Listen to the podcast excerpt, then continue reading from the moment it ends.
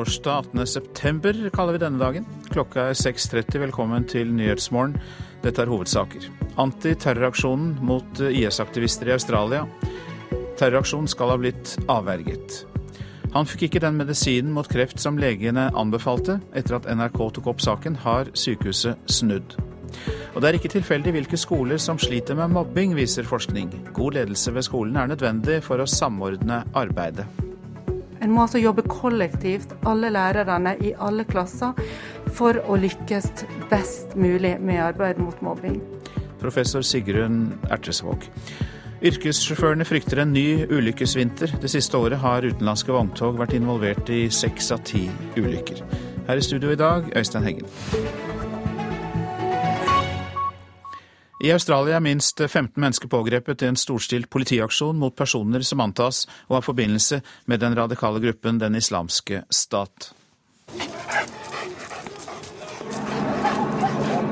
Hunder, helikoptre og 800 politifolk gikk i natt til aksjon mot en rekke hjem i Brisbane og Sydney. Den største antiterroraksjonen i australsk historie var rettet mot personer som mistenkes for å ha forbindelser til den radikale gruppen Den islamske stat. 15 personer er arrestert, mistenkt for å planlegge drap i Australia. Uh,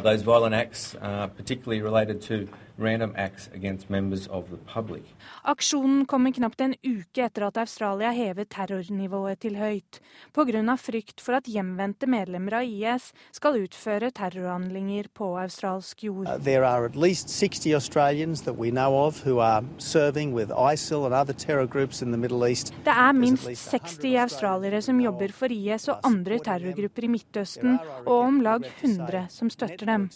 Dette er mennesker som vil oss vondt vondt. Derfor er det så viktig at politiet ligger et skritt foran, og det gjorde de i dag, sier statsminister Tony Abbott. Reporter her Silje Herbro Landsverk. Det ligger an til rekordhøy valgdeltakelse i Skottland i dag, idet skottene skal stemme ja eller nei til løsrivelse fra Storbritannia. Utfallet er fortsatt helt åpent. En meningsmåling for avisa Daily Record i går kveld viste 53% av velgerne som ønsker at Skottland skal forbli i Storbritannia, mens 47% ønsker løsrivelse. En måling for TV-kanalen eh, En TV-kanal ga 49% ja og 51% nei. Mer om den spennende folkeavstemningen i Skottland etter klokka sju her i eh, Nyhetsmorgen. Kreftpasient Finn Alsos fikk likevel medisinen som legen hans hadde anbefalt. I vår fikk han beskjed om at sykehusforetaket fjernet medisinen fra det offentlige behandlingstilbudet, men etter at NRK omtalte saken, så snudde sykehuset. Noe annen begrunnelse er vanskelig for meg å forstå, annet enn at det er kommet et visst fokus på et enkelt tilfelle for én pasient, meg syk med uhelbredelig prostatakreft på sjuende året.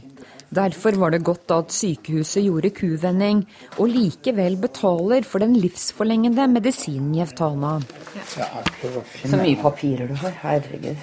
Altså, det å være sjuk, det er altså Man må ha man må nesten ha en sekretær. Tidligere i sommer fikk Finn Alsås beskjed om at han selv må betale den livsforlengende cellegiften legen anbefaler ham å bruke.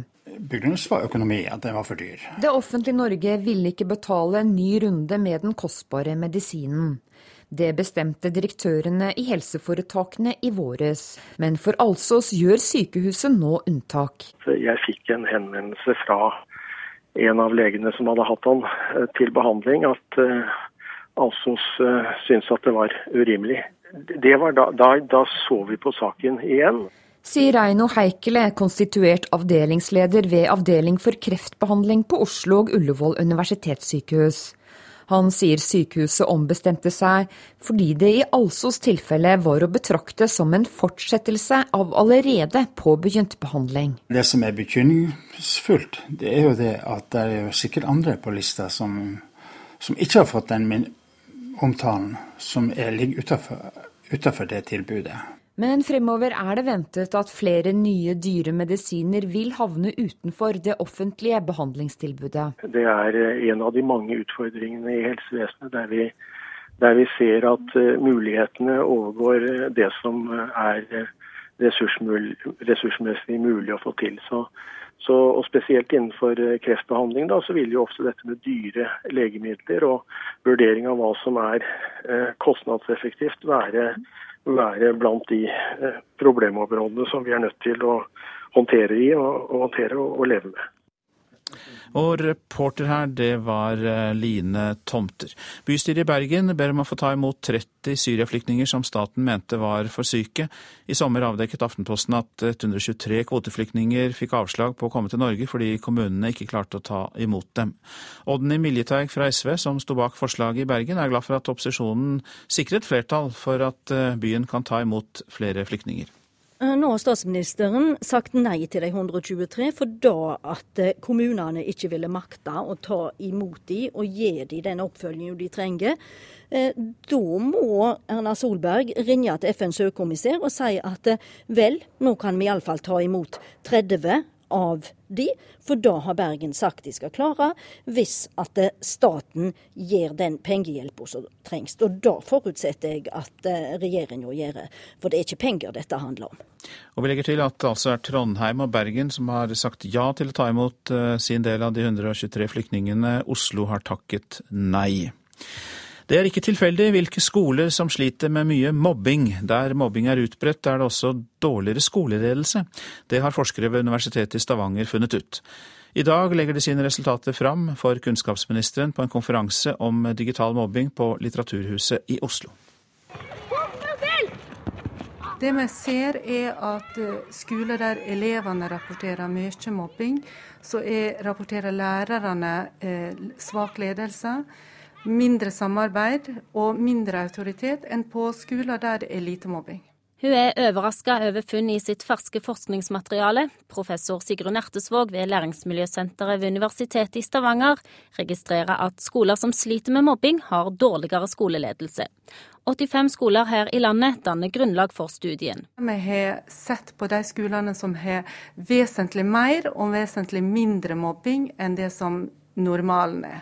Og så har vi sammenligna de to ekstremgruppene. Jeg prøvde jo å gi beskjed om at eh, jeg følte meg urettferdig behandla, og at det, eh, det ikke burde være sånn. Men det var jo indirekte mobbing, så det er jo ikke så veldig lett å se. Dette fortalte 15 år gamle Ann Helen Hagen til NRK i vår. Hun hadde blitt mobba gjennom flere år.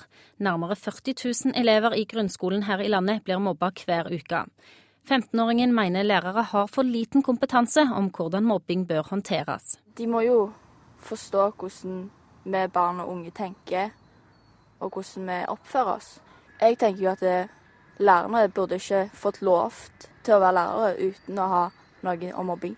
De mest effektive tiltakene mot mobbing omfatter hele skolen. En må altså jobbe kollektivt, alle lærerne i alle klasser, for å lykkes best mulig med arbeidet mot mobbing. Og da krever det en god ledelse, det krever samarbeid mellom lærerne, og det krever at lærerne har autoritet. Er det sånn at de skolene med dårlig skoleledelse er mer utsatt for mobbesaker? Det har ikke vi grunnlag for å si i vår studie. I dag legger Ertesvåg fram sin forskning for bl.a. kunnskapsminister Røe Isaksen på en konferanse i Oslo. Hun er tydelig på hva den nye forskningen kan gjøre for å bekjempe mobbing. Det som er viktig, eh, tror jeg, det er at en legger sterkere vekt på å støtte skolene som organisasjon. Jeg tror at det er behov eh, også fra myndighetene på å legge større vekt på å hjelpe skolene til å klare å gjennomføre tiltakene, ikke bare fokusere på om en skal endre og finne nye tiltak. Reporter det var Cecilie Berntsen Jåsund. I fjor høst satte den forrige regjeringen ned Djupedalsutvalget, som skulle se på hva som må til for å bedre skolemiljøet og redusere mobbing.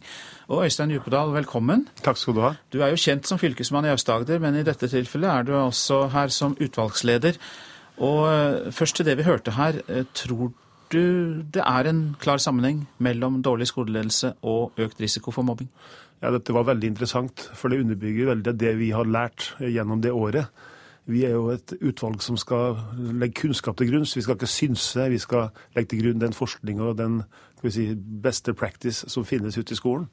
Eh, og det ledelsesperspektivet som understrekes her, ser vi er veldig tydelig. De skolene som har god ledelse, eh, som har gode system og som har mye kompetanse om å håndtere mobbing, der ser vi at det er gjennomgående mye bedre og lavere resultat på mobbing og trakassering. Så det, dette er et veldig viktig innspill som vi selvfølgelig vil ta med oss. Og det utvalget du har ledet, eh, dere har også invitert da, til debatt på Litteraturhuset. Der kommer elever og foreldrerepresentanter og forskere. Er dette en ny måte å jobbe i et offentlig utvalg på? Det vet ikke jeg, men vi tror det er veldig viktig å få innspill. Vi er kunnskapsbasert, vi skal ta kunnskap inn til oss. og Da må vi snakke med elever og lærere og foreldre og alle aktører i skolen. Det har vi nå brukt et helt år på, men nå gjør vi det ut i det offentlige rom, sånn at alle kan spille inn til oss det de måtte mene. Eh, og det vi vet, er jo mye av det som den forskeren sa innledningsvis her. Det med ledelse vet vi er helt avgjørende. Det med kompetanse vet vi er helt avgjørende. Det å ikke ha sånn skippertaksmentalitet og liksom ta en skippertak mot mobbing, det vet vi har liten effekt. Det er det langsiktige, eh, kunnskapsbaserte arbeidet over tid som nytter. Og Vi vil nok også foreslå nye tiltak i skolen, for vi ser at det, det kan være bruk for ikke minst det å skjerpe eh, skolen. Så vi vurderer også å innføre f.eks. For forvaltningssanksjon. Det betyr altså at skoler som ikke gjør jobben sin, kan utsettes for bøter. Og er det noe med lovverket også som bør endres? Ja, det, vi kommer til store endringer i lovverket, det er jeg helt sikker på. Men, eh, og Utgangspunktet vil jo være at vi må ha et lovverk som bedre grad sikrer rettssikkerheten til barn. Barns rettssikkerhet i dag er for dårlig ivaretatt. og Det betyr at vi må sikre rammeverket rundt barna. og Det betyr at skolen også i større grad må ansvarliggjøres. Skolen er altså noe vi eh, altså Alle barn må gå på skole. Vi har en plikt å gå på skole. og Da må vi som foreldre og samfunn være sikre på at barna våre har det trygt på skolen. og Da må rammeverket, også det juridiske rundt skolen, sikres. Tror du at rektorene vet godt nok hva som egentlig er deres ansvar når det gjelder å hindre mobbing? Jo, det tror jeg nok. Altså, vi Gjennomgående så har jo vi altså, la meg si, Norsk skole er jo bra. Det er 4,3% som utsettes for mobbing. Det er et eh, faretruende høyt. Hvis man legger med de som er trakassert, så er det ca. en fjerdedel av norske skolebarn som utsettes for noe. Så de langt fleste de har det jo bra på skolen, og det er det viktig å huske på. Men vårt fokus er jo de det bra. Og Der er det skolen som er nærmest. Skolen er den arenaen der elevene går. Vi har altfor mange barn som gruer seg til friminuttet, gruer seg til å se på mobiltelefonen, som gruer seg for den hverdagen som endte. Og Da må selvfølgelig foreldre og altså de som er rundt barnet, stå opp. Men det er jo skolen og skolens ledelse som til syvende og sist er de som står tettest på dette. Og så bruker vi jo gjerne å peke på at det offentlige må gjøre mer, og at skolene må gjøre mer. Men eh, hva med foreldrene? Kommer det også innunder den jobben dere skal gjøre i utvalget? Ja, Vi har jo veldig mange eksempler på foreldre som tar kontakt med oss. Eh, og Foreldrene er jo selvfølgelig det viktigste i barns liv, men det er jo ikke alle foreldre heller som er godt nok i stand til å ivareta sine egne barn. Men det er klart foreldre og samarbeidet mellom foreldre skole er noe av det aller viktigste. Det ser vi også på læringsresultat, men vi ser det også her. Så Hvis skolen har god ledelse, så klarer også skolen å trekke foreldre og foresatte inn i arbeidet for å minimere mobbing. Og da ser vi at også du får bedre resultat. Når blir Djupedalsutvalget ferdig? Ja, Vi skulle egentlig ha frist neste sommer, men statsråden er veldig opptatt av å finne svar på dette. Så vi skal levere noe før påske. Så vi har et veldig hektisk halvår foran oss. Lykke til. Takk skal du ha. Tusen takk. Djupedal, ut, Øystein Djupedal, fylkesmann i Aust-Agder, men også, da også utvalgsleder. Så skal jeg si litt om det avisen er opptatt av i dag. Lave renter er tema i Dagens Næringsliv. De fører til at boligprisene vil fortsette å stige, og mest i Troms, der prisøkningen på boliger kan bli på 25% fram til 2017. Optimismen stuper, det er oppslaget i Stavanger Aftenblad. Arbeidsledigheten i Rogaland opp 16% på ett år.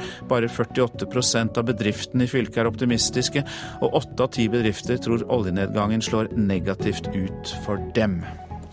Klar for krig er oppslaget i Klassekampen. Alt i dag kan den utvidede utenrikskomiteen på Stortinget gå i gang med å drøfte hva Norge kan bidra med militært i kampen mot den islamske staten IS. Naboene til kreftsyke Monica Eriksen i Lyngen i Troms har samlet inn 80 000 kroner, slik at hun kan få behandling ved universitetssykehuset i Heidelberg i Tyskland, skriver Nordlys. Med svulst i hjernen hadde 40-åringen akseptert at livet gikk langsomt mot slutten, men naboenes innsamlinger, kunstauksjoner og bruktmarked gir henne en ny mulighet til operasjon. bor lovlig i Norge, men får ikke jobb. Aftenposten forteller om 42 år gamle Kalib Yasu Aron fra Eritrea som ikke får bevis på sin egen identitet. Dermed mister han muligheten til å få jobb, bankkort og førerkort. Over 2500 personer er i samme situasjon. Avslører vennenes sexliv for ukjente, er oppslaget i Vårt Land. På den hemmelige Facebook-gruppa Banansnakk forteller jenter og gutter intime hemmeligheter om seg selv, venner, ekskjærester og foreldre. Jeg fikk helt bakoversveis av hva folk delte, sier et tidligere medlem av gruppa til avisa. Tallenes tale er klar. Fattige 20 poeng på 25 seriekamper. Det er typisk for norske trenere å få sparken i Premier League. Ja, Sitatene er hentet fra Dagbladet og VG, som vier sine førstesider til at Ole Gunnar Solskjær trolig får sparken som trener i Cardiff. Skjønnhetsfokus på poteter provoserer mesterkokk, kan vi lese i Nasjonen.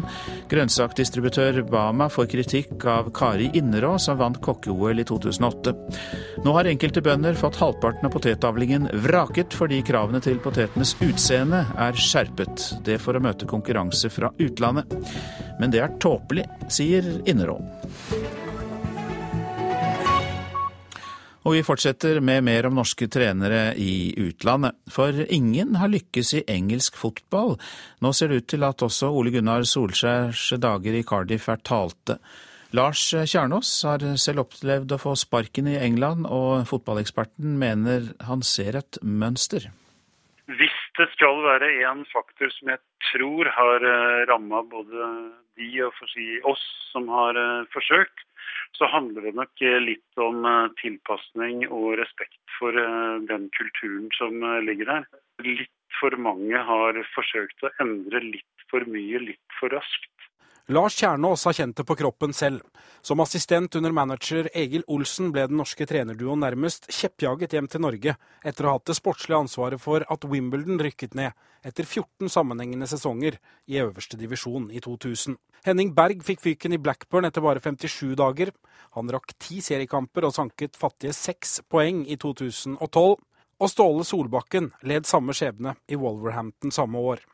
Nå er det bare håp igjen for Solskjær også. Jeg frykter dessverre og håper at jeg tar feil, men jeg frykter at eh, det handler om at eh, vi er inne i siste fase av eh, managervirksomheten til Ole Gunnar i Cardiff. Britisk presse meldte i går at Solskjær er ferdig i klubben. Wales Online, som følger klubben tett, meldte sent i går kveld at klubben vil komme med en redegjørelse i dag. Reporter Andreas Toft. Klokka den går mot 6.48. Dette er hovedsaker i Nyhetsmorgen. Antiterroraksjon mot IS-aktivister i Australia. En planlagt terroraksjon på åpen gate skal ha blitt avverget. Det er ikke tilfeldig hvilke skoler som sliter med mye mobbing. Der mobbing er utbredt, er det også dårligere skoleledelse, viser forskning. Og vi skal høre at musikerne boikotter flyselskapet Norwegian. De er nemlig redd for instrumentene sine. Det er jo uholdbart. Dette er jo ikke ting de har med seg for moro skyld. Det er jo arbeidsverktøyet deres. Kristin Haagensen skal vi høre mer fra. Hun er nestleder i Musikernes Fellesorganisasjon.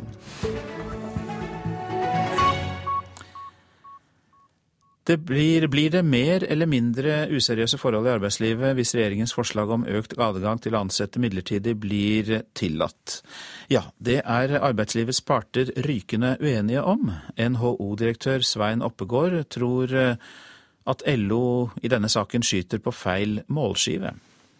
Ja, Dette tror jeg ikke LO helt har forstått. fordi Midlertidige ansettelser er for veldig veldig mange, enten de er unge, har vanskeligheter med å komme inn på arbeidsmarkedet, har vært arbeidsledige eller er eldre som ønsker en løsere tilknytning til arbeidslivet, så har det vært inngangsbilletten til arbeidslivet og til en fast stilling for mange.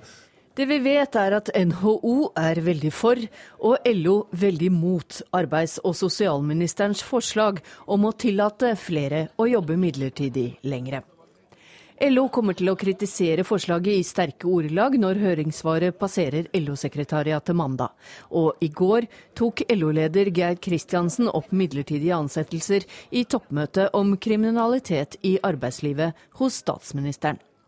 Hun mener flere midlertidige jobber gir mer useriøsitet i arbeidslivet, med denne begrunnelsen. Det har veldig mye med arbeidslivskriminalitet å gjøre. Det at eh, du har løsere tilknytning til en jobb, gjør at du har ikke like enkelt for å si fra om uverdige forhold, om arbeids mistanke om arbeidslivskriminalitet, og du er redd for å miste jobben din. Så det har en veldig nøye sammenheng. Mm. Og dette har dere påpekt i flere sammenhenger, uheldige sider ved å, ha, å åpne opp for flere midlertidige, mens arbeidsgiverne vil ha det. Eh, tror du argumentet om at dette også har mye å si for arbeidslivskriminalitet, eh, vil eh, gjøre det enklere for dere å få, få de andre på glid? Jeg håper jo i hvert fall det. Jeg håper jo at arbeidsministeren og også statsministeren setter seg ned og går nøye gjennom den høringsuttalelsen som vi leverer i neste uke. Men det tror ikke statsminister Erna Solberg. Hun vil likevel ta diskusjonen med LO når høringssvaret kommer til uken. Ja, altså de har et argument for at uh, midlertidige ansettelser uh, vil gjøre det vanskeligere å være varsler. Uh, det er ikke sånn at midlertidige ansettelser gjør det mer sannsynlig at, blir, at, at det er arbeidsmiljøkriminalitet. Så Vi får ta den diskusjonen når deres høringsuttalelse kommer. De har vært prinsipielt imot mer midlertidige ansettelser i det hele tatt. Ja, jeg mener det er en bom fra LOs side å trekke den slutningen. Og vi tror at kanskje den useriøse delen av arbeidslivet kunne bli noe mindre hvis man fikk flere midlertidige. For må ikke glemme at midlertidig ansatte er også inne i de absolutt seriøse bedriftene. NHO-direktør eh, Svein Oppegård til slutt der, og reporter var Hedvig Bjørgum. Yrkessjåførene frykter nok en ulykkesvinter på veiene. Det siste året har vært et av de verste på lenge, og utenlandske vogntog var involvert i seks av ti ulykker. Nå venter transportnæringen på konkrete tiltak fra regjeringen. Katastrofe! Snø! Snø!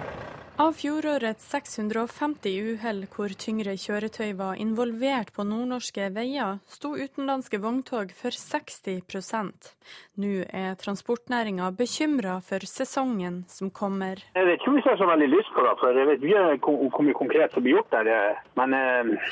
ja, Er veiene klar for en ny vintersesong? Nei, det tror jeg ikke. Så det gjenstår å se hva de greier å få til. Og... Så vi er spent.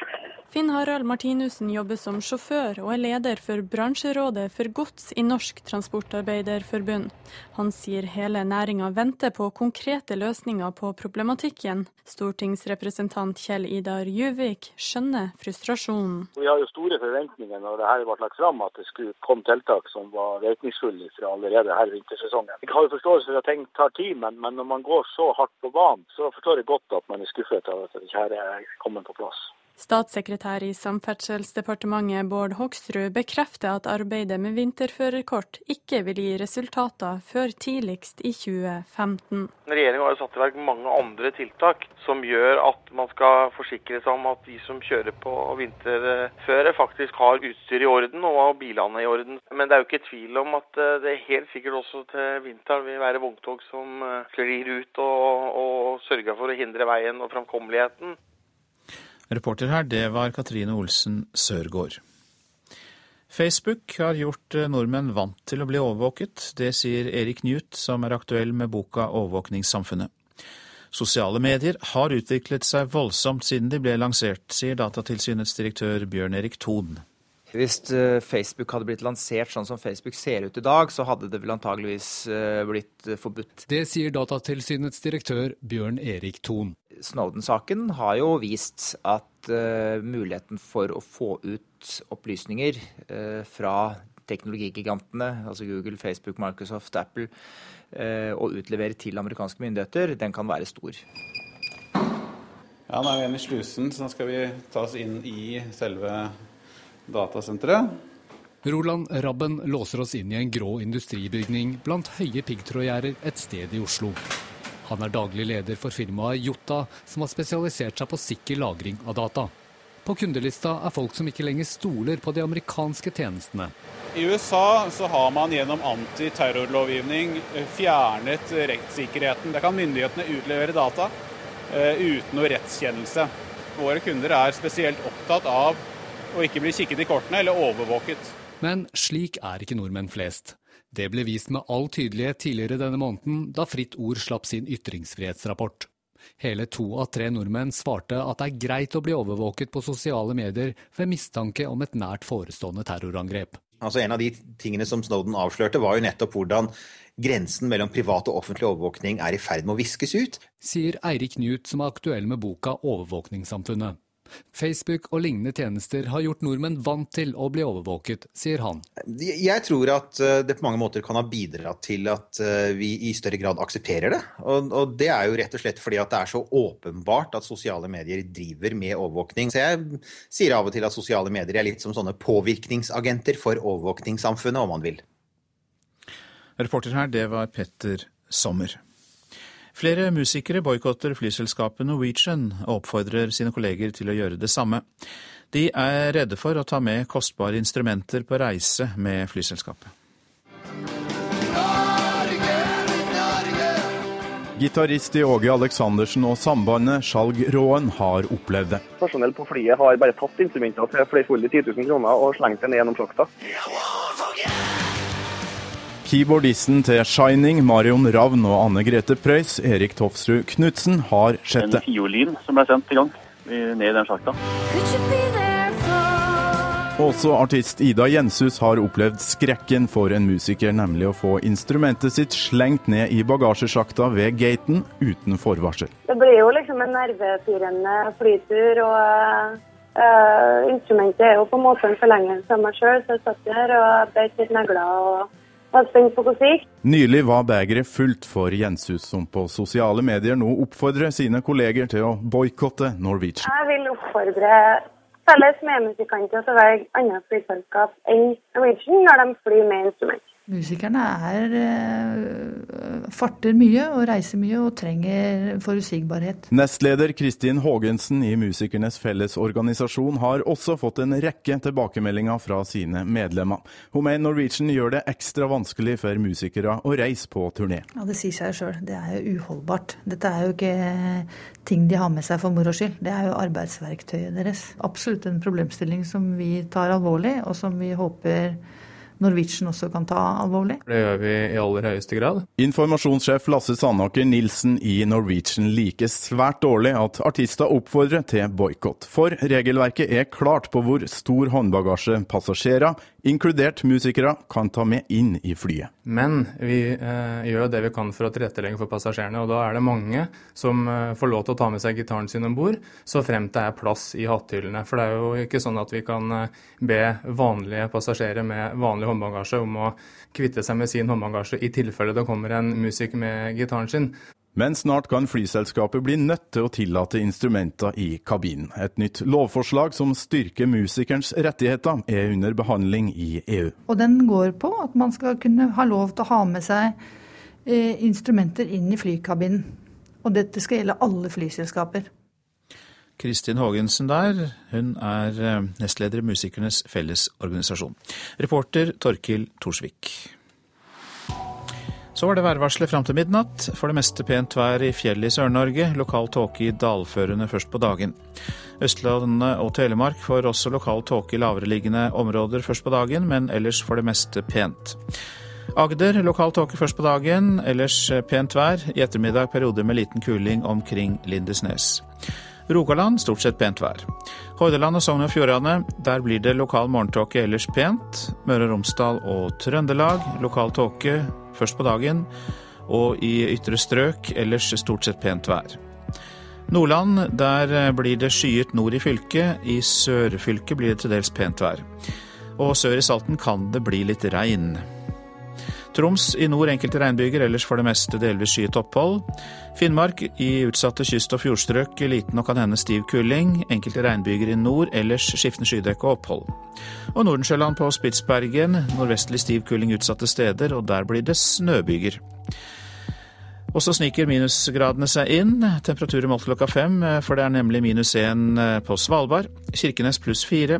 Vardø fem. Alta og Tromsø seks. Bodø ni. Brønnøysund 8, Trondheim 6, Molde elleve. Bergen 9, Stavanger elleve. Kristiansand 10, Gardermoen 6, Lillehammer 5, Røros minus 1 Og Oslo-Blindern pluss 7. Svært få sosialklienter som føler seg urettferdig behandla, klager på vedtakene. Og for mange må amputere her i landet. Forebyggende fotpleie kunne redda mange, mener Diabetesforbundet. Her er NRK Dagsnytt klokka sju. Svært få sosialklienter klager over avgjørelser. Det viser en oversikt fra Helsetilsynet. En dårlig klageordning, lang sakshandsamingstid og manglende rettshjelp gjør at mange lar være å klage. Daglig leder i Foreninga Fattig-Norge, Georg Rønning, mener en ordning med hjelp fra frivillige kunne fått flere av de som føler seg urettvist behandla, til å klage. Man burde få til en følger som kan rett og slett være et medmenneske, uten noe spesiell kompetanse. Eh, også for å kunne være et sannhetsvitne, for å kunne gjengi noe av det som er skjedd. Eh, og jeg tenker meg at f.eks. kunne man fått til en avtale med Frivillighetssentralen, eh, som kunne, der en person kunne stille og være med i et møte, eventuelt være med og hjelpe å skrive klager, slik at dette ble, at det ble så godt som mulig og så kort som mulig. I Norge må om lag 500 diabetespasienter hvert år amputere en av føttene etter å ha fått sår som ikke vil gro. Dette er et skyhøyt tall sammenlignet med Sverige, der tallet på amputasjoner er redusert med opptil 80 bare ved hjelp av fotpleie. I Norge blir det satsa lite på slik forebygging. En av de som har måttet amputere, er Leif Larsen fra Kiberg i Finnmark. Det går jo å gå med den ene foten, det gjør det jo. Men det er jo avskåret fra både det ene og det andre. En av de tingene vi virkelig er for dårlige på i Norge, det er fotbehandling. Det sier generalsekretær Bjørnar Algot i Diabetesforbundet i Oslo. Han mener bedre rutiner kan redde fotene til hundrevis av nordmenn. Det vil glede både diabetikerne og skattebetalerne. Kostnadene ved å bruke fotterapeuter er jo langt under en tidel av det det koster å amputere føttene. Og Helsedirektoratet kan foreløpig ikke love nye tiltak, men sier de informerer diabetikere om hva de skal gjøre ved sårdanning på beina. Reporter Trine Vidunsdatter. I Australia har over 800 tungt væpna politifolk gjennomført en omfattende antiterroraksjon i natt. Kring 15 personer er arresterte i Sydney og Brisbane, mistenkte for å samarbeide med den islamske staten i Syria og Irak. Ifølge politiet aksjonerte de for å avverge planer om voldshandlinger på åpen gate. FN vil måtte kutte matrasjonene til fire millioner syrere med 40% i oktober pga. manglende bidrag fra giverland. Det opplyser FNs kontor for humanitær koordinering. NRK Dagsnytt, Silje Sande. Her i Nyhetsmorgen henter vi inn synspunkter fra en av våre fylkesleger på hvorfor så mange sosialklienter ikke klager på avgjørelser de får. Bergen Frp bidrar til å ødelegge Frp. Det sier partiveteran Carl I. Hagen etter at Bergen-partiet går inn for eiendomsskatt. Øst-Ukraina skal få mer selvstyre, men lovforslaget er vanskelig å sette ut i livet. Og vi skal selvfølgelig til Skottland. I dag holdes folkeavstemningen om løsrivelse fra Storbritannia. Som vi hørte i Dagsnytt nettopp, svært få sosialklienter klager over avgjørelser. Det viser en oversikt fra Helsetilsynet. Daglig leder i Foreningen Fattig-Norge, Georg Rønning, forteller at klagesakene kan ligge i månedsvis før de blir behandlet. Vi har jo saker hvor det har gått én eh, måned, to måneder, tre måneder før dette er oversendt til Fylkesmannen. Så skal det behandles der, og da snakker vi gjerne om måneder også. Georg Rønning har i ti år hjulpet sosialklienter i møte med forvaltningen.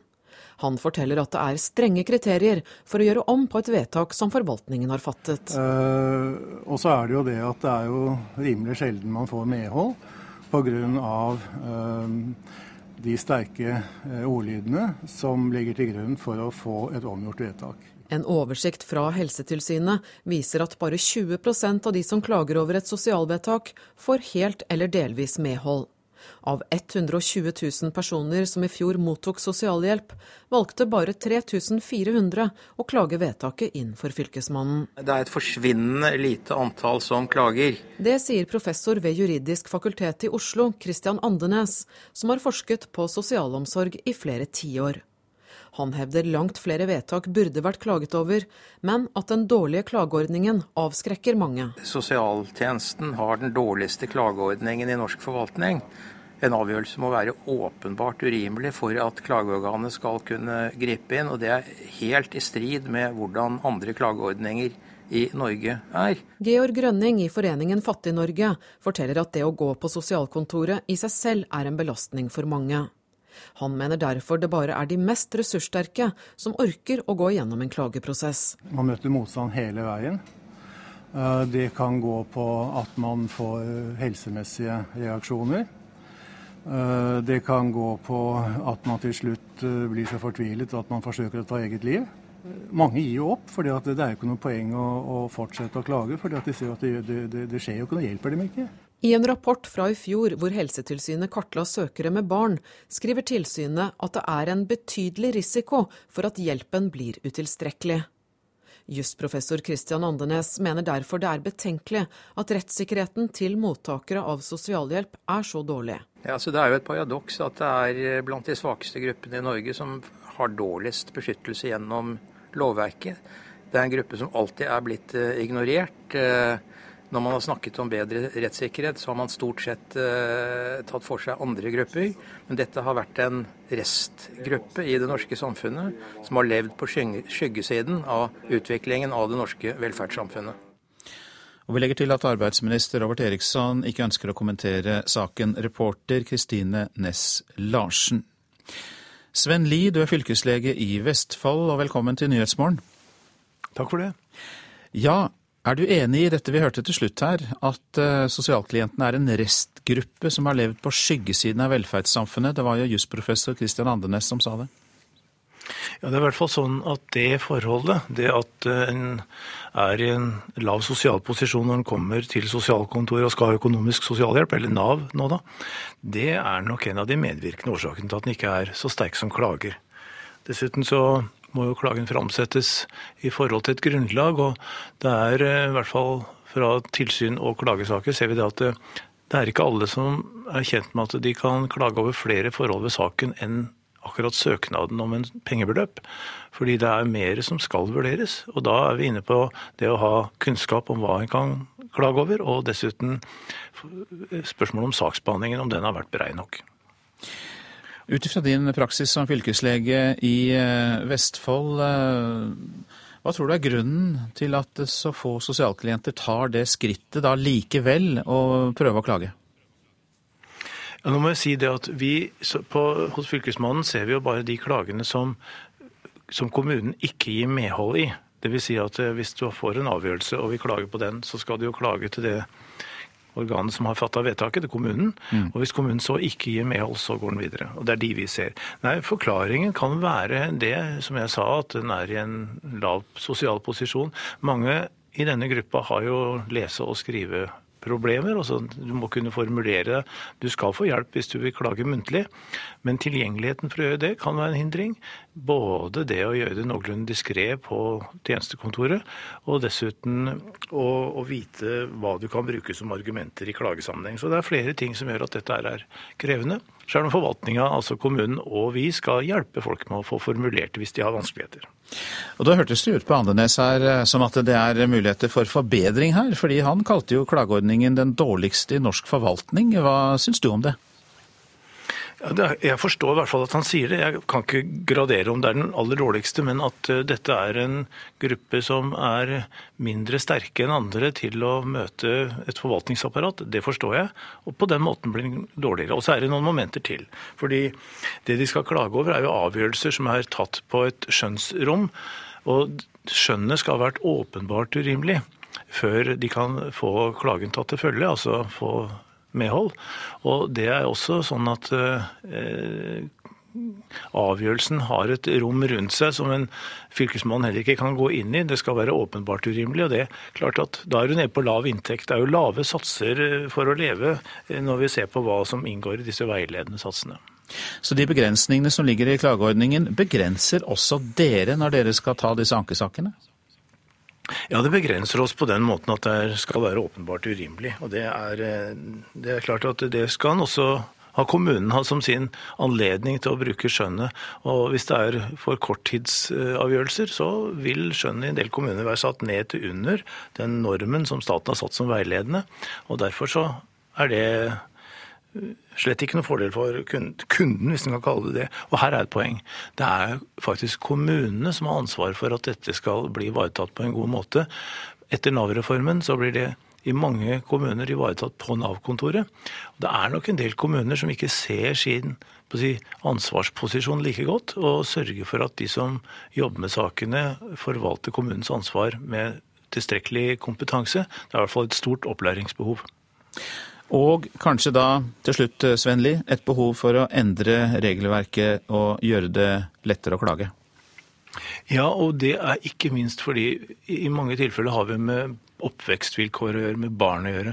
Og vi veit at de som vokser opp under trange kår, de som ikke har økonomi til å delta på det de andre gjør, får mindre anledning til å være med i skolelivet kanskje også etter hvert, de får dårligere helse. Så dette dreier seg spesielt for barna om langtidsperspektivet og sosial ulikhet og helsekonsekvenser. Mange takk, Svein Lie, som er fylkeslege i eh, Vestfold. Ja, i dag skjer det. Skottene skal bestemme seg for om de vil bli selvstendige. Og de siste meningsmålingene de viser at nei-siden har en liten ledelse. Men mange er det som ikke har bestemt seg, så kampen om å overbevise velgerne pågår. This is our opportunity of a lifetime, and we must seize it with both hands. Uavhengighetslederen Alex Salman har de siste dagene holdt følelsesladde appeller om framtida til Skottland. Men ifølge en måling gjort for Daily Record i går kveld, ønsker et lite flertall, 53% at skottene forblir en del av Storbritannia. 47% sier at de vil løsrive seg. Også en annen måling gir nei-sida en liten ledelse. Samtidig er det opp mot 10% av velgerne som ikke har bestemt seg, og i dag skal det avgjøres. Skottene skal stemme ja eller nei til om den 300 år lange britiske unionen skal bestå, eller om de skal bli selvstendige. Valglokalene åpner allerede klokka sju i dag, britisk tid. Ja, det sa reporter Kari Stokke Nilsen. Og da vender vi oss selvfølgelig mot deg, Storbritannia-korrespondent Espen Aas. Du følger jo innspurten i folkeavstemningen i Skottland. Og aller først, eh, hvordan skal vi tolke disse siste meningsmålingene? Det er ikke mange måter å tolke de på, annet enn at eh, dette kommer til å bli svært, svært jevnt. Ehm, de har jo bare blitt jevnere og jevnere med tiden, disse meningsmålingene. Tanken på at det kunne være både 10 og 12 prosentpoeng som skilte ja- og nei-leiren for eh, noen måneder tilbake, synes ganske fjern nå. Fordi så godt som alle eh, målinger de siste ukene faktisk har vist nærmest eh, dødt løp. Man regner en feilmargin på rundt 3% på de fleste målingene, hvilket betyr at det kan godt hende det er ja-siden som har, har ledelsen her. Det virker som om Alex Salmon og ja-siden har hatt en formidabel sluttspurt. De har satt inn eh, alle krefter, og de har eh, åpenbart spilt på de riktige følelsene eh, i registrene til skottene. Her i Edinburgh, hvor jeg har vært, var for så vidt både ja- og nei-leiren veldig aktive i gatene i går og prøvde å dytte på de som ikke allerede hadde en god samling med små papirlapper med informasjon på, og gi dem enda noen til. Ehm, og slik vil det nok fortsette også ehm, dagen i dag. Valglokalene er jo lenge åpne. De åpner nå om drøye eh, tre kvarter. Og de som ikke har vært der, kan selvsagt i Turin fortsatt overbevises. Og vet ikke gruppen skal angivelig fortsatt kunne være et sted mellom en 8 eh, og 10% Ja, Det høres ut som eh, aktørene er i virksomhet fortsatt. De roer ikke ned etter kampanjen. De, de står på helt til siste slutt, altså. De jeg snakket med her i, i går kveld, sa at de kom til å, å, fortsette gjennom dagen. Jeg har også truffet på, på andre som har sagt at de, de, skal på stand. Det er fortsatt eh, en mulighet. Så lenge valglokalene er åpne, vil det alltid være noen eh, helt siste som, som, kan bestemme seg. Men det store spørsmålet er jo om målinger og virkelighet kommer til å stemme helt overens. Um, en del mener at det er lett lettere å si eh, åpent at eh, du kommer til å svare ja, men eh, at folk da vil gå i valglokalet og, og sette et kryss på nei til spørsmålene bør Skottland løsrives fra Storbritannia eller bli, bli et eget land. Men om det blir virkeligheten, får vi se. Det har vært sterke overbevisende argumenter fra begge sider her. Ja, altså Det er litt tidlig å bytte ut Storbritannia med Rest-Britannia, altså.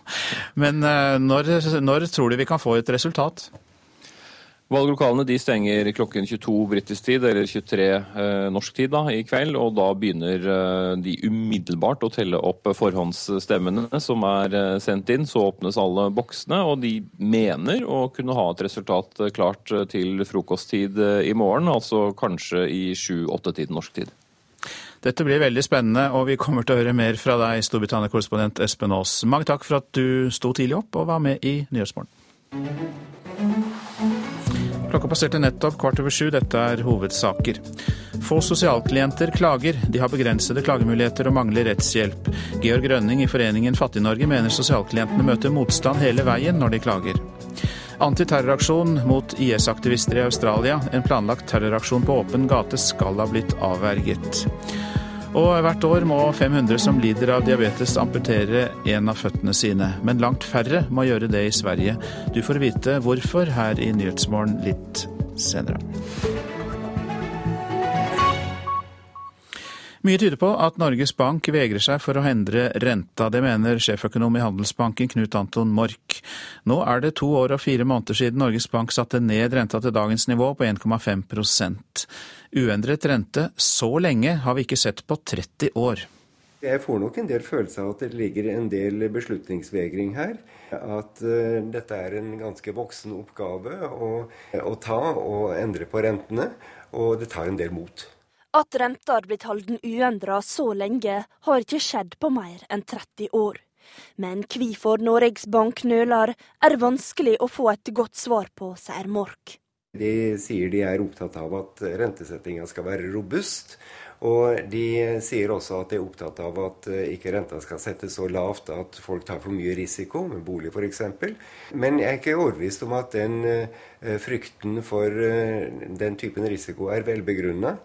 I Europa er rentene nær null, men lite tyder på at styringsrenta her i landet blir endra på dagens rentemøte. Økonomene er mer spente på hva Noregs Bank kommer til å si om renteutviklinga i åra framover. Sjefsøkonom Steinar Juel i Nordea tror det er lenge til vi ser en renteøkning. Jeg tror den rentebanen de kommer med vil være veldig flat. Så jeg tror ikke det blir noen renteøkning i Norge før, før langt etter 2016.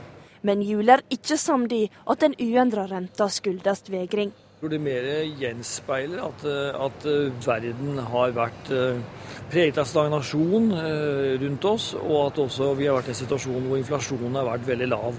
Så det er forholdene i økonomien, kanskje mest i verden utenfor oss, som har gjort dette. Reportere her, det var Marte Halsør og Johan Settem. Bergen Frp bidrar til å ødelegge Fremskrittspartiet. Ja, det sier partiveteran Carl I. Hagen etter at lokallaget i Bergen i går gikk inn for å innføre eiendomsskatt. Hagen er gruppeleder for partiet i Oslo, og er rystet over kollegene i Bergen. Eiendomsskatt er noe svineri for min del. Det er mot all fornuft. De vi møter på gata i Bergen liker det ikke. Men internt i Fremskrittspartiet er reaksjonene minst like sterke på at partiet er i ferd med å gjeninnføre eiendomsskatten i Bergen. Ja, Da bør de se å pelle seg ut av byrådet og, si fra til Høyre at nå er det nok. Det sier tidligere partiformann Carl I. Hagen.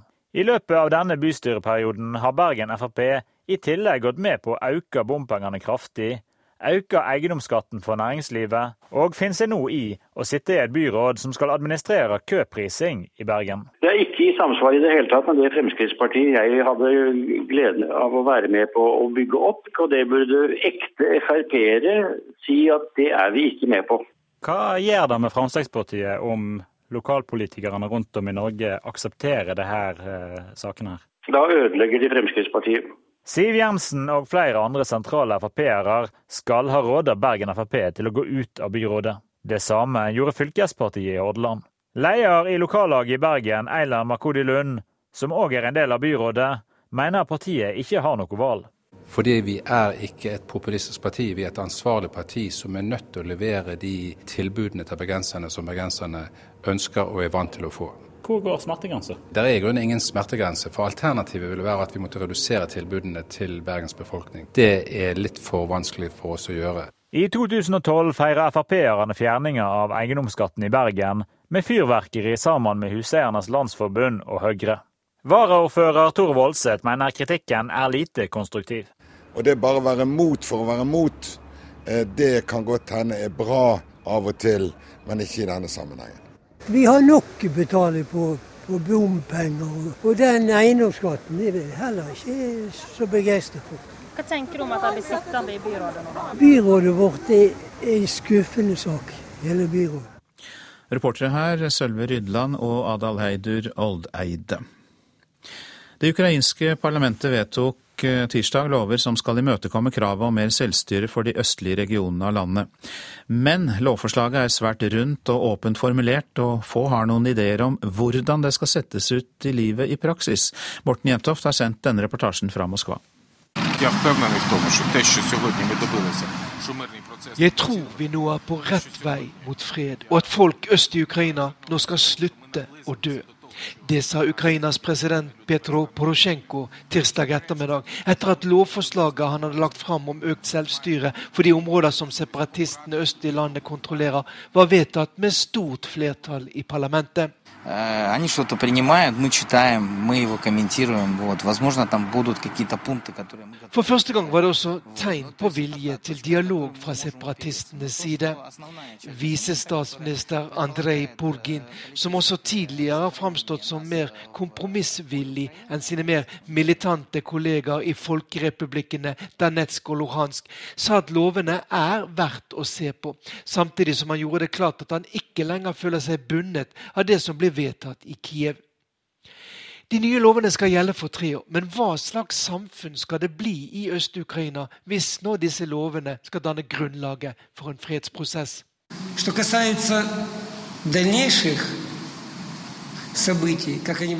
Det spørsmålet stiller også denne mannen, Sergej Taruta, som er guvernør i Danetsk fylke, utpekt av myndighetene i Kiev, som faktisk kontrollerer store deler av både Danetsk og Luhansk. Hva slags fylke er det dette skal bli? Skal det bli to fylker? Ett Danetsk-fylke som vi kontrollerer, og ett Folkerepublikken Danetsk-fylke. Alt innenfor Ukrainas grenser. Skal vi ha to ulike systemer for utdannelse, og ikke minst skal forskjellige lover gjelde i ulike deler av fylket? Dette er spørsmål som altså guvernør Sergej Taruta stiller. Og I enkelte deler av Donbas går nå frontlinjene rett gjennom landsbyer. Hva slags skole skal barna våre gå på, spurte Sergej Taruta, som har hatt den utakknemlige oppgaven å prøve å styre en del av Ukraina, som har opplevd noen av de verste krigshandlingene som Europa har sett siden annen verdenskrig. Ці закони, які щойно проголосовані, Ukrainas tidligere statsminister Julia Timosjenko, som etter hendelsene i vår har havnet litt på sidelinjen i ukrainsk politikk, er blant dem som nå er svært kritisk både til fredsavtalen som ble inngått i begynnelsen av september, og til lovene som parlamentet vedtok på tirsdag. Dette gjør at deler av Donbas i praksis er under full kontroll av russiske myndigheter, sier hun. Og mange vil gi henne rett i at situasjonen i dag er den at det er Russland og president Vladimir Putin som sitter med nøkkelen til hva som skal skje videre i konflikten i Ukraina. Nato mener at minst 1000 regulære russiske soldater fremdeles står inne på ukrainsk jord, samtidig som en stor del av opprørsstyrkene består av godt trente russiske frivillige offiserer og soldater utstyrt med moderne russiske våpen. De sporadiske kampene som fremdeles pågår, handler trolig om å sikre seg kontroll over størst mulig område før eventuelt internasjonale observatører kommer inn og trekker grensene mellom partene. Dermed er det mye som tyder på at Europa kan få et nytt Bosnia, der grenser altså ble trukket på grunnlag av militærstyrke, slik som var tilfellet etter krigene på begynnelsen av 1990-tallet. Så kaster vi et blikk på avisene. Lave renter det kan vi også lese om i Dagens Næringsliv i dag. Ferske prognoser tyder på at boliglånsrenten holder seg under 3% mens boligprisene vil fortsette å stige. Og mest i Troms, der prisøkningen på boliger kan bli på 25% fram til 2017. Optimismen stuper, det er oppslaget i Stavanger Aftenblad. Arbeidsledigheten i Rogaland opp 16% på ett år. Bare 48% av bedriftene er optimistiske, og åtte av ti bedrifter tror oljenedgangen slår negativt ut for dem. Klar for krig er oppslaget i Klassekampen. Alt i dag kan den utvidede utenrikskomiteen på Stortinget gå i gang med å drøfte hva Norge kan bidra med militært i kampen mot den islamske staten IS. Naboene til kreftsyke Monica Eriksen i Lyngen i Troms har samlet inn 80 000 kroner, slik at hun kan få behandling ved universitetssykehuset i Heidelberg i Tyskland, skriver Nordlys. Med svulst i hjernen hadde 40-åringen akseptert at livet gikk langsomt mot slutten, men naboenes innsamlinger, kunstaksjoner og bruktmarkeder gir henne en mulighet til en ny operasjon bor lovlig i Norge, men får ikke jobbe. Aftenposten forteller om 42 år gamle Kalib Yasu Aron fra Eritrea som ikke får bevis på sin egen identitet. Dermed mister han muligheten til å få jobb, bankkort og førerkort. Over 2500 personer er i samme situasjon. Avslører venners sexliv for ukjente, er oppslaget i Vårt Land. På den hemmelige Facebook-gruppa Banansnakk forteller jenter og gutter intime hemmeligheter om seg selv, venner, ekskjærester og foreldre. Jeg fikk helt bakoversveis av hva folk delte, sier et tidligere medlem av gruppa til avisa. Tallenes tale er klar, fattige 20 poeng på 25 seriekamper. Det er typisk for norske trenere å få sparken i Premier League. Disse sitatene er hentet fra Dagbladet og VG, som vier sine førstesider til at Ole Gunnar Solskjær trolig får sparken som trener i Cardiff. Skjønnhetsfokus på poteter provoserer mesterkokk, kan vi lese i Nasjonen. Grønnsakdistributør Bama får kritikk av Kari Innerå, som vant kokke-OL i 2008. For nå har enkelte bønder fått halvparten av potetavlingene vraket fordi kravene til potetenes utseende er skjerpet for å, konkurranse, for å møte konkurranse fra utlandet. Men det er tåpelig, sier Innerå. I Norge må om lag 500 diabetespasienter hvert år amputere en av føttene sine. Dette er et eh, skyhøyt tall sammenlignet med Sverige, hvor antall amputasjoner er redusert med opptil 80% og det bare ved hjelp av fotpleie. I Norge satses det lite på slik forebygging. En av dem som har måttet amputere, er Leif Larsen Kiberg fra Finnmark. Det går jo å gå med den ene foten, det gjør det jo. Men jeg er jo avskåret fra både det ene og det andre. Leif Larsen fra Kiberg er en av altfor mange diabetikere som har mista en fot. Hvert år må ca. 500 personer i Norge amputere fordi små diabetesår har fått utvikle seg til alvorlige infeksjoner. Men i Sverige går tallene ned. I noen regioner har de redusert amputasjoner med opptil 80% Ulla Helstrand Tang er ortopedingeniør og driver forskning ved Salgrenska akademien ved Universitetet i Göteborg. Hver pasient har rett å få årlige kontroller og få forebyggende innsats, innlegg og skor, fotvård.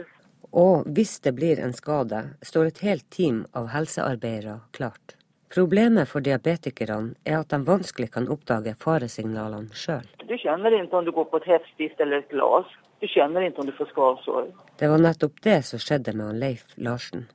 Før jeg mista foten, fikk jeg et sår under hælen som eh, leger ikke klarte å reparere. En av de tingene vi virkelig er for dårlige på i Norge, det er fotvandling.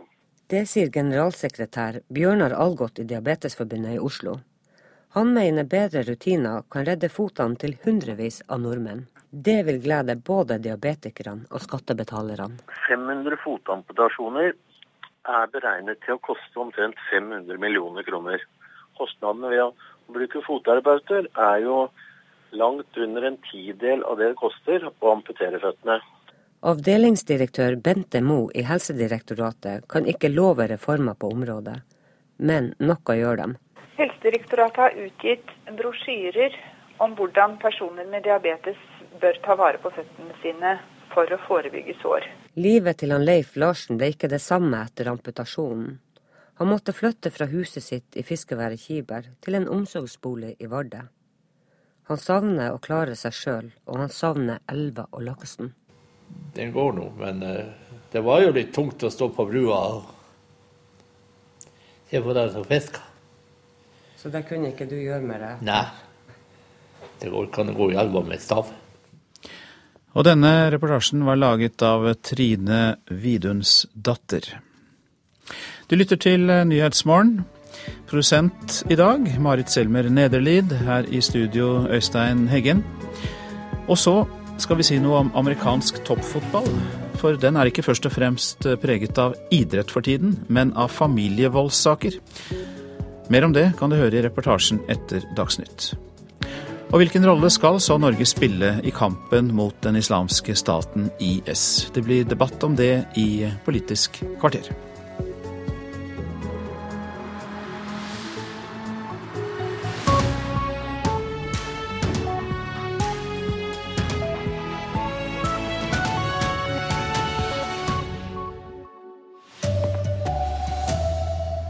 Framtida for Skottland blir avgjort i dag. Skottene skal si ja eller nei til å bli selvstendige. En rekke ekstreme islamister er pågrepne i Australia etter stor antiterroraksjon. Og kreftpasient fikk nei til livsforlengende medisin. Sykehuset snudde etter NRK-omtale. Her er NRK Dagsnytt klokka 7.30. Det ligger an til rekordhøy valgdeltaking i Skottland. Etter en intens valgkamp skal skottene i dag røyste ja eller nei til å rive seg løs fra Storbritannia og bli et eget land. Utfallet er fremdeles oppe, og begge sider slåss til siste slutt. Det er langt på kveld i Edinburgh sentrum, men Jack MacDonald deler ut materiell fra nei-kampanjen fortsatt. En lang og intens valgkamp går mot slutten. Er nervøs. Of course I'm nervous. Yeah, I feel like someone could take away half my country. Uh, it's a terrifying prospect. You know, wake up the day after tomorrow and find out that my mother's a foreigner. Med en mor som har flyttet til Nord-Irland, kan de ende opp med å bli boende i hvert sitt land.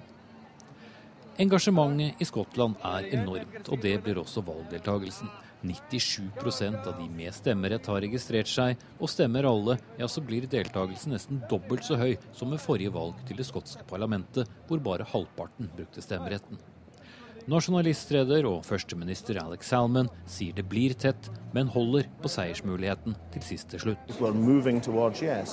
Om ett døgn kan løpesedlene pakkes bort, og noen kan erklære seg som seierherrer. Espen Aas, Edinburgh. Og du er med oss nå, Espen Aas fra Edinburgh. Der åpner røystelokaler om en halvtimes tid. Det er altså venta svært høy valgoppslutning. Hva er det viktigste for skottene når de røyster i dag? Det handler nok om, om, to ting, og det er rett og slett uh, hode eller hjerte hjerte. Eh, de som stemmer med hodet, er nok de som har hørt på, på nei-siden og har tenkt at her står for mye på spill. Her handler det om eh, pensjonene mine. Her handler det om økonomien til landsdelen. De som stemmer eh, med hjertet, og dermed stemmer for et løsrevet Skottland, tenker at nå er det på tide at vi får bestemme over oss selv. Hvorfor i all verdens rike skal noen som sitter nede i London og knapt bryr seg om Skottland, bestemme over så mye som det de gjør i dag? Så hvem som har overbevist eh, best, blir jo um, spennende. Dette er virkelig en eh, skjebnedag både for Skottland og Storbritannia, ja kanskje for hele Europa. Ja, Det er spennende, Espen, for meningsmålingene har vært svært jevne, og det er mange som ikke har bestemt seg? Ja, Fortsatt regnes det med at et eh, sted mellom 8 og 10% ikke har bestemt seg. Det vil si, de kan vel ha bestemt seg nå, men de siste meningsmålingene i alle fall tydet eh, på det. Og er det mange nok som bestemmer seg for ja eller nei, så vil jo det kunne sikre et eh, resultat. Og nå er det da bare noen timer igjen på å gjøre opp sin aller siste mening. Takk skal du ha for at du var med, Espen Aas. I Australia har over 800 tungt væpna politifolk gjennomført en omfattende antiterroraksjon i natt. Rundt 15 personer er arresterte i Sydney og Brisbane, mistenkte for å samarbeide med den islamske staten IS i Syria og Irak. Politiet aksjonerte for å avverge planer om voldshandlinger på offentlige steder, inkludert en mulig offentlig halshogging av en tilfeldig person for åpent kamera. Hunder, helikoptre og 800 politifolk gikk i natt til aksjon mot en rekke hjem i Brisbane og Sydney. Den største antiterroraksjonen i australsk historie var rettet mot personer som mistenkes for å ha forbindelser til den radikale gruppen Den islamske stat. 15 personer er arrestert, mistenkt for å planlegge drap i Australia. Uh, acts against members of the public. Aksjonen kommer knapt en uke etter at Australia hevet terrornivået til høyt, pga. frykt for at hjemvendte medlemmer av IS skal utføre terrorhandlinger på australsk jord. Uh, there are at least 60 Australians that we know of who are serving with ISIL and other terror groups in the Middle East. Det er minst 60 australiere som jobber for IS og andre terrorgrupper i Midtøsten, og om lag 100 som støtter dem. Dette er mennesker som vil oss vondt. Derfor er det så viktig at politiet ligger et skritt foran, og det gjorde de i dag, sier statsminister Tony Abbott. Reporter Silje Herbro Landsverk. Og i dag kan det bli klart om Norge skal bidra militært i kampen mot IS. Det blir debatt om dette i Politisk kvarter kvart på åtte på P2. Svært få sosialklienter klager over avgjørelser, viser en oversikt fra Helsetilsynet. En dårlig klageordning, lang sakshandsamingstid og manglende rettshjelp gjør at mange er litt verre å klage. Daglig leder i Foreningen Fattig-Norge, Georg Grønning, forteller at sakene kan ligge i månedsvis før de blir handsama. Vi har jo saker hvor det har gått én eh, måned, to måneder, tre måneder før dette er oversendt til Fylkesmannen. Så skal det behandles der, og da snakker vi gjerne om måneder også. Georg Grønning har i ti år hjulpet sosialklienter i møte med forvaltningen. Han forteller at det er strenge kriterier for å gjøre om på et vedtak som forvaltningen har fattet. Eh, og så er det jo det at det er jo rimelig sjelden man får medhold pga. Uh, de sterke uh, ordlydene som ligger til grunn for å få et omgjort vedtak. En oversikt fra Helsetilsynet viser at bare 20% av de som klager over et sosialvedtak, får helt eller delvis medhold. Av 120 000 personer valgte bare 3400 å klage vedtaket inn for Fylkesmannen i fjor. Det er et forsvinnende lite antall som klager. Det sier professor ved Juridisk fakultet i Oslo, Christian Andenes. Han hevder langt flere vedtak burde vært klaget over, men at den dårlige klageordningen avskrekker mange. Sosialtjenesten har den dårligste klageordningen i norsk forvaltning en avgjørelse må være åpenbart urimelig for at klageorganet skal kunne gripe inn. Og det er helt i strid med hvordan andre klageordninger i Norge er. Georg Grønning i Foreningen Fattig-Norge ønsker seg derfor en ordning som raskere kan gi klientene svar. Dette må være en hurtigarbeidende klageordning øh, som man kan få svar på på rimelig kort tid. For dette er akutte ting. Øh, når folk klager, så er det ofte akutt. Og arbeidsminister Robert Eriksson ønsker ikke å kommentere saka. Reporter Kristine Næss Larsen. Kreftpasienten Finn Alsos fikk først nei til livsforlengende cellegift, men nå har sykehuset snudd. Alsos har uhelbredelig prostatakreft på sjuende året. I sommer fortalte NRK at sykehuset ba Alsos om å betale sjøl for den kostbare medisinen, men nå har de altså snudd, og Alsos får likevel den behandlinga legen tilrår noe annen begrunnelse er vanskelig for meg å forstå, annet enn at det er kommet et visst fokus på et enkelt tilfelle for én pasient, meg. Det som er bekymringsfullt, det er jo det at det er jo sikkert andre på lista som, som ikke har fått den omtalen som er, ligger utafor det tilbudet. Ingen norske trenere har lukkes i engelsk fotball. Nå skal Ole Gunnar Solskjær ha forhandla fram en sluttavtale med klubben Cardiff, ifølge britiske aviser. Lars Kjernås har sjøl opplevd å få sparken i England, og fotballeksperten mener å se et mønster. Hvis det skal være en faktor som jeg tror har eh, ramma både de og si oss som har eh, forsøkt, så handler det nok eh, litt om eh, tilpasning og respekt for eh, den kulturen som ligger der. Litt for mange har forsøkt å endre litt for mye litt for raskt. Lars Kjernås har kjent det på kroppen selv. Som assistent under manager Egil Olsen ble den norske trenerduoen nærmest kjeppjaget hjem til Norge etter å ha hatt det sportslige ansvaret for at Wimbledon rykket ned etter 14 sammenhengende sesonger i øverste divisjon i 2000. Henning Berg fikk fyken i Blackburn etter bare 57 dager. Han rakk ti seriekamper og sanket fattige seks poeng i 2012. Og Ståle Solbakken led samme skjebne i Wolverhampton samme år. Nå er det bare håp igjen for Solskjær også. Jeg frykter dessverre og håper at dette er feil, men jeg frykter at eh, det handler om at eh, vi er inne i siste fase av, eh, managervirksomheten til Ole Gunnar i Cardiff. Britisk presse meldte i går at Solskjær er ferdig i klubben. Wales Online, som følger klubben tett, meldte sent i går kveld at klubben vil komme med en redegjørelse i dag. Reporter Andreas Toft. FN vil måtte kutte matrasjonene til fire millioner syrere med 40% i oktober pga. manglende bidrag fra giverland. Reduksjonen må gjennomføres trass i at FN nå har bedre tilgang enn før til områder der det er trang for nødhjelp. Ansvarlig for denne dagsnyttsendinga Ellen Omland, teknisk ansvarlig Lars Tronsmoen, i studio Silje Sande.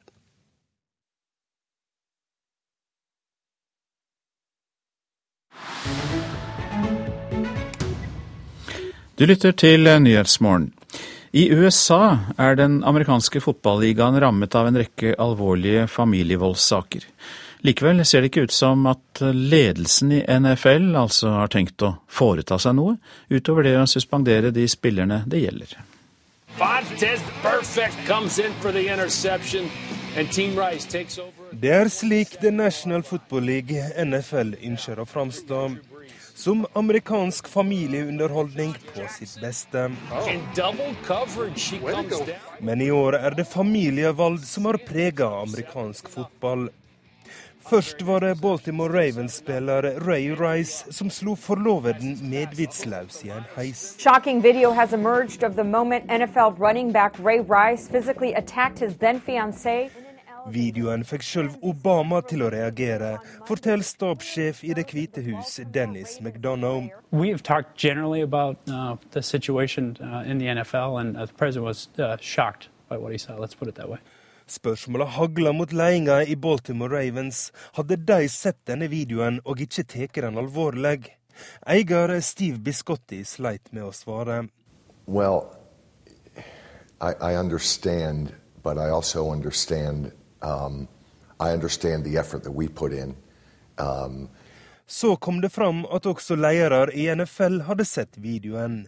Og det kom krav om at NFL-sjefen Roger Goodell måtte gå av, forteller Ap-journalist Rob Madi. We're hearing a lot of people out there calling for Roger Goodell to step down.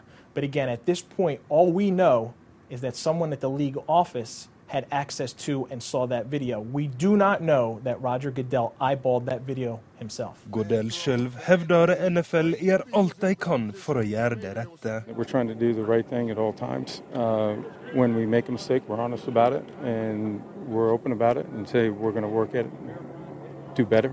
Hva nå enn det betyr. Uansett, Ray Rice ble suspendert på livstid, i håp om at fokuset nå kunne bli retta mot det sportslige. Men så dukka det opp en ny valgsak, denne gang hjå Minnesota Vikings. Fotballspilleren Adrian Peterson ble sikta for å ha slått og skada sin fire år gamle sønn. Men Vikings-ledelsen mente det var for tidlig å suspendere spilleren. And what we know about Adrian, not only as a person, but what he has also done for this community, we believe he deserves to play while the legal process plays out.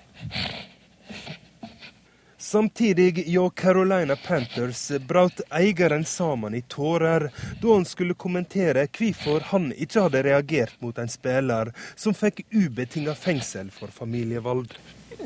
When it comes to domestic violence, and learn to trust your community. De mange sakene til tross, NFL har ennå ikke kommet med en konkret strategi for å bekjempe familievold.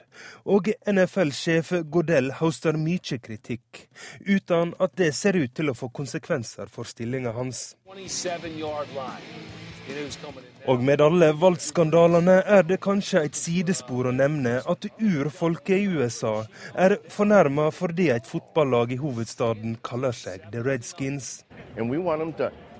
Logo, the mascot, pick something else. The Hawks, I don't care.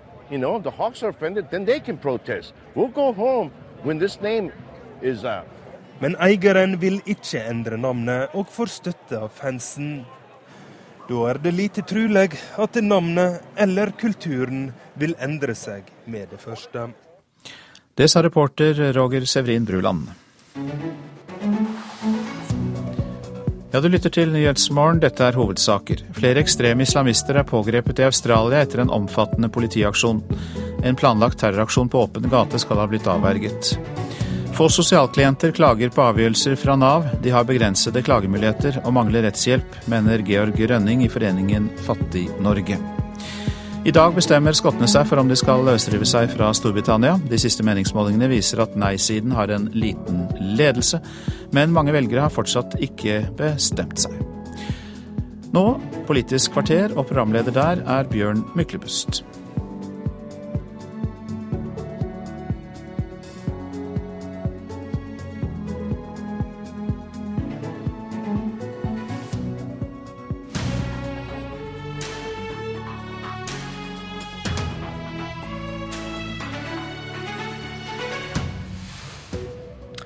Er det i dag vi sier ja til en ny krig. Norge bestemmer seg for om vi skal delta militært i kampen mot IS. Det er typisk norsk å overlate drittjobben til andre, sa noen om en annen krig.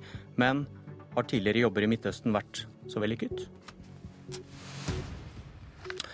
Stort, komplisert tema. Kun et kvarter og fire enkle sjeler til å finne ut av det hele. En av dem heter Bjørn Myklebust, en annen heter Trond Helleland, parlamentarisk leder i Høyre. God morgen. God morgen, ja. Hva er faren for at vi om noen år kikker oss tilbake og tenker vi valgte feil? Det er alltid en eh, fare for å være etterpåklok og si at en burde gjort ting på en annen måte, men jeg mener at i den situasjonen som nå har oppstått i eh, Irak, eh, der vi opplever en barbarisk middelaldervoldsekstremisme fra ISIL og IS, så tror jeg det er på tide at en samler en brei koalisjon for å bekjempe dette uvesenet. Du kan selvfølgelig ikke bekrefte at Stortinget blir informert om regjeringen vil si ja eller nei til spørsmålet om bidra militært mot IS, men så har vi hørt. Går Norge til krig hvis vi svarer ja? Det er rekke virkemidler som nå eh, blir vurdert. og Norge har bidratt humanitært. Vi skal bidra med å stoppe pengestrømmen til eh, de ekstreme islamistene. Vi skal bidra ideologisk til å ta en kamp mot eh, den, dette uvesenet. Og det kan hende at vi også skal bidra militært, eller på militært vis. Men den diskusjonen vil vi jo måtte ta når Stortinget får forelagt seg den forespørselen fra, eventuell forespørsel fra regjeringen. Men går vi til krig hvis vi sier ja til å bli med på denne koalisjonen det, og bidra militært? Det vi gjør hvis vi går inn og støtter den irakiske regjering, som nå har blitt en moderat, bredt sammensatt regjering med også moderate sunnia involvert, det er å hjelpe et land som ber om hjelp. Og det er i tråd med folkeretten. Det er det vi gjør. Hva har skjedd siden Erna Solberg for kort tid siden sa at Norge vil kun bidra humanitært? Det har skjedd veldig mye. Eh, du hadde en eh, regjeringssjef i Irak, Maliki, som, eh, som hadde på en måte lagt seg ut med absolutt alle sunnimuslimer. Vi har fått ny regjering i Irak der alle viktige si, ideologier og retninger innenfor islam er med. Har dette skjedd på to uker? Ja, det har det. Den regjeringen kom på plass tre dager etter Nato-toppmøtet i Wales. og Det var en viktig forutsetning og et viktig signal fra statsministeren om at vi trengte en bredere koalisjon. Denne regjeringen som da sitter i Irak nå, har bedt om bistand, og det er den bistanden nå amerikanerne eh, har samla støtte til. Og som vi også så en, eh, en stor konferanse i Paris, der både den irakiske og den franske utenriksminister sto sammen og snakka om behovet for å gripe inn.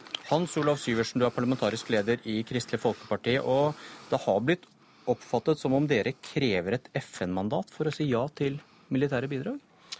Det som vi har sagt, er at du må ha et folkerettslig grunnlag. og Derfor er det viktig å skille mellom Irak og Syria. For situasjonen i Irak er jo at landets myndigheter har bedt om bistand. Og da har man det folkerettslige grunnlaget på plass. Når det gjelder Syria, er jo situasjonen mye mer broket. Eh, og der har vi ikke en situasjon PT hvor det er et eh, folkerettslig grunnlag. Der må kanskje FN inn og gi det mandatet i, i tilfelle. Men eh, når det gjelder Irak, så, så, mener vi at det er på plass. Men dere vil skille mellom Irak og Syria. Men IS gjør jo ikke det. De, de ser ikke den grensen. Og hvor smart er det da hvis man skal kjempe mot IS og si at hvis de flykter over grensa, så vil vi ikke lenger bidra? Ja, det er en kompliserende faktor, men det er først og fremst nå snakk om å bistå irakiske myndigheter. Og jeg har også sett at eh, FNs generalsekretær i forgårs, Ban Ki-moon, ba om at uh, verdens land nå stilte opp for å få bukt med den totale ekstremismen som ISIL, som jeg foretrekker å kalle det, representerer. Så uh, dermed har jeg også sagt at uh, det er støtte fra KrF når det gjelder å bidra til den forespørselen som Irak har kommet med. Helleland, med, med KrFs tenkning rundt dette, kan Syria bli en trygg havn for IS? Syria er jo ikke trygg havn for noen. Der har det rast en ekstremt voldelig borgerkrig nå i flere år. Og eh, problemet med Syria er jo at eh, enkelte stormakter har eh, brukt vetoretten sin i Sikkerhetsrådet for å stoppe ulike former for inngripen. Men samtidig så vet vi at Assad kjemper jo mot ISIL, han også. Så at ISIL skulle finne noen trygg havn i Syria hvis de blir slått tilbake i Irak, det har jeg liten tro på. Men, Men er, du, er du enig det er mer komplisert. Det er mye mer komplisert med inngripen i Syria dersom det ikke blir noe FN-mandat. Men nå får vi jo la verdenssamfunnet tenke gjennom dette. og eh, Både utenriksminister og statsminister er på vei til New York nå for å delta i Sikkerhetsrådet. Jeg er invitert til å være med der. Eh, Norge er sentrale i å bistå i den eh, kampen mot dette uvesenet. Men er du enig eller uenig med KrFs syn, at man må skille, og at vi kan ikke uten videre Eh, som USA ja, har varslet, da, at, man, at, de åpner for å angripe IS i Syria også? Jo, det er, det er en uh, forskjell på det. fordi at uh, Irak, der har myndighetene bedt om bistand for å bekjempe opprøret i eget land. og Det, det er godt innafor det som uh, folkeretten kan beskrive. Mens i Syria så er en jo avhengig da av at president Assad, som da de facto styrer det landet, og som, som jo heller ikke er noe spesielt good guy, han, eh, han har ikke varsla det samme. Men, eh, så det er en forskjell på Syria og Irak, og det er Irak jeg har snakka om nå primært, eh, å slå tilbake. Men da skal vi huske på at ISIL har stått altså to mil fra Erbil, som er kurderen sin hovedstad, med, med en stor by. Det har rykka frem mot Bagdad, det har tatt store deler av Irak. og Det å slå deg tilbake der, det tror jeg er utrolig viktig. Samtidig som en gjør det andre grepene som også er nødvendig, bl.a. å få stoppa den pengestrømmen pengestrømmen som gjør at det er i ferd med å bli verdens rikeste terrororganisasjon. Det er selv olje på svartebørsmarkedet. De skaffer seg inntekter ved å rett og slett eh, rane banker som de kommer over, tømme banker. De skaffer seg utstyr osv. Dette må slås tilbake, og mye av dette har skjedd i Irak. Bård Vegar Solhjell, du sitter i utenrikskomiteen for SV, og du vil ikke krige mot IS? Nei, altså det er, en, det er jo en en gruppering det her er en organisasjon med en ekstrem brutalitet.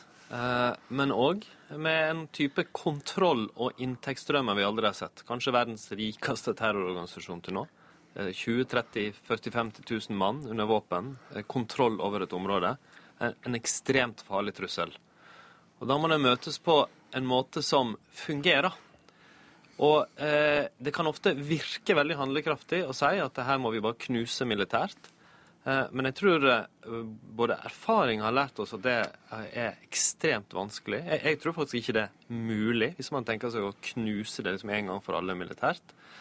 Og jeg tror at det er lite langsiktig. Vi, erfaringer fra Afghanistan, Irak, Libya og andre steder er at den, de langsiktige problemene ofte er langt verre.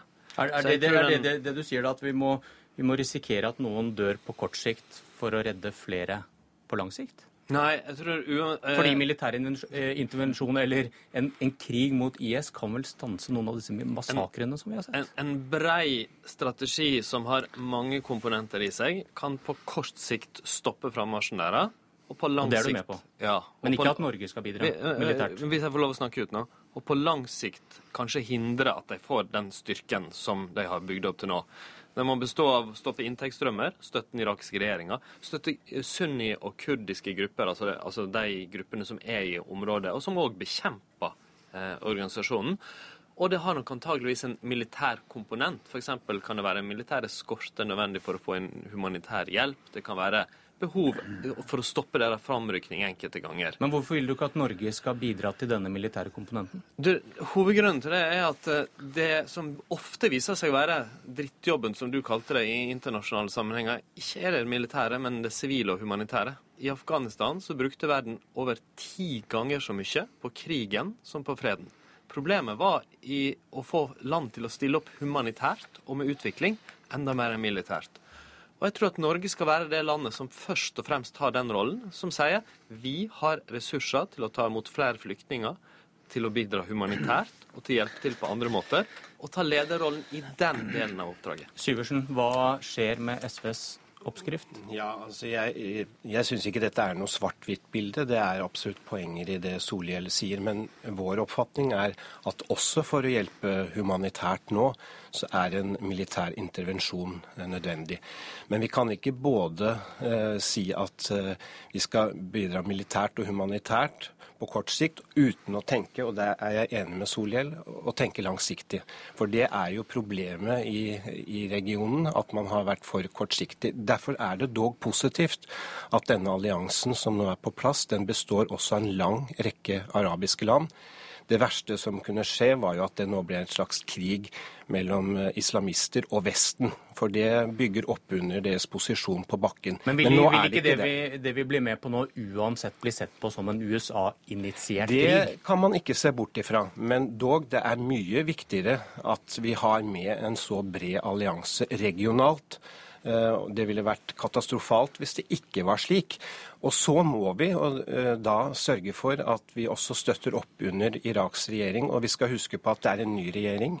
Forrige statsminister han var ikke særlig villig til å bygge noen koalisjon internt i Irak. Den nye ser ut til å greie det på en annen måte, og det må vi bygge opp under. Og det kan hjelpe på lang sikt. Helleland, hva tenker du om Solhjell og SVs eh, tanker rundt dette?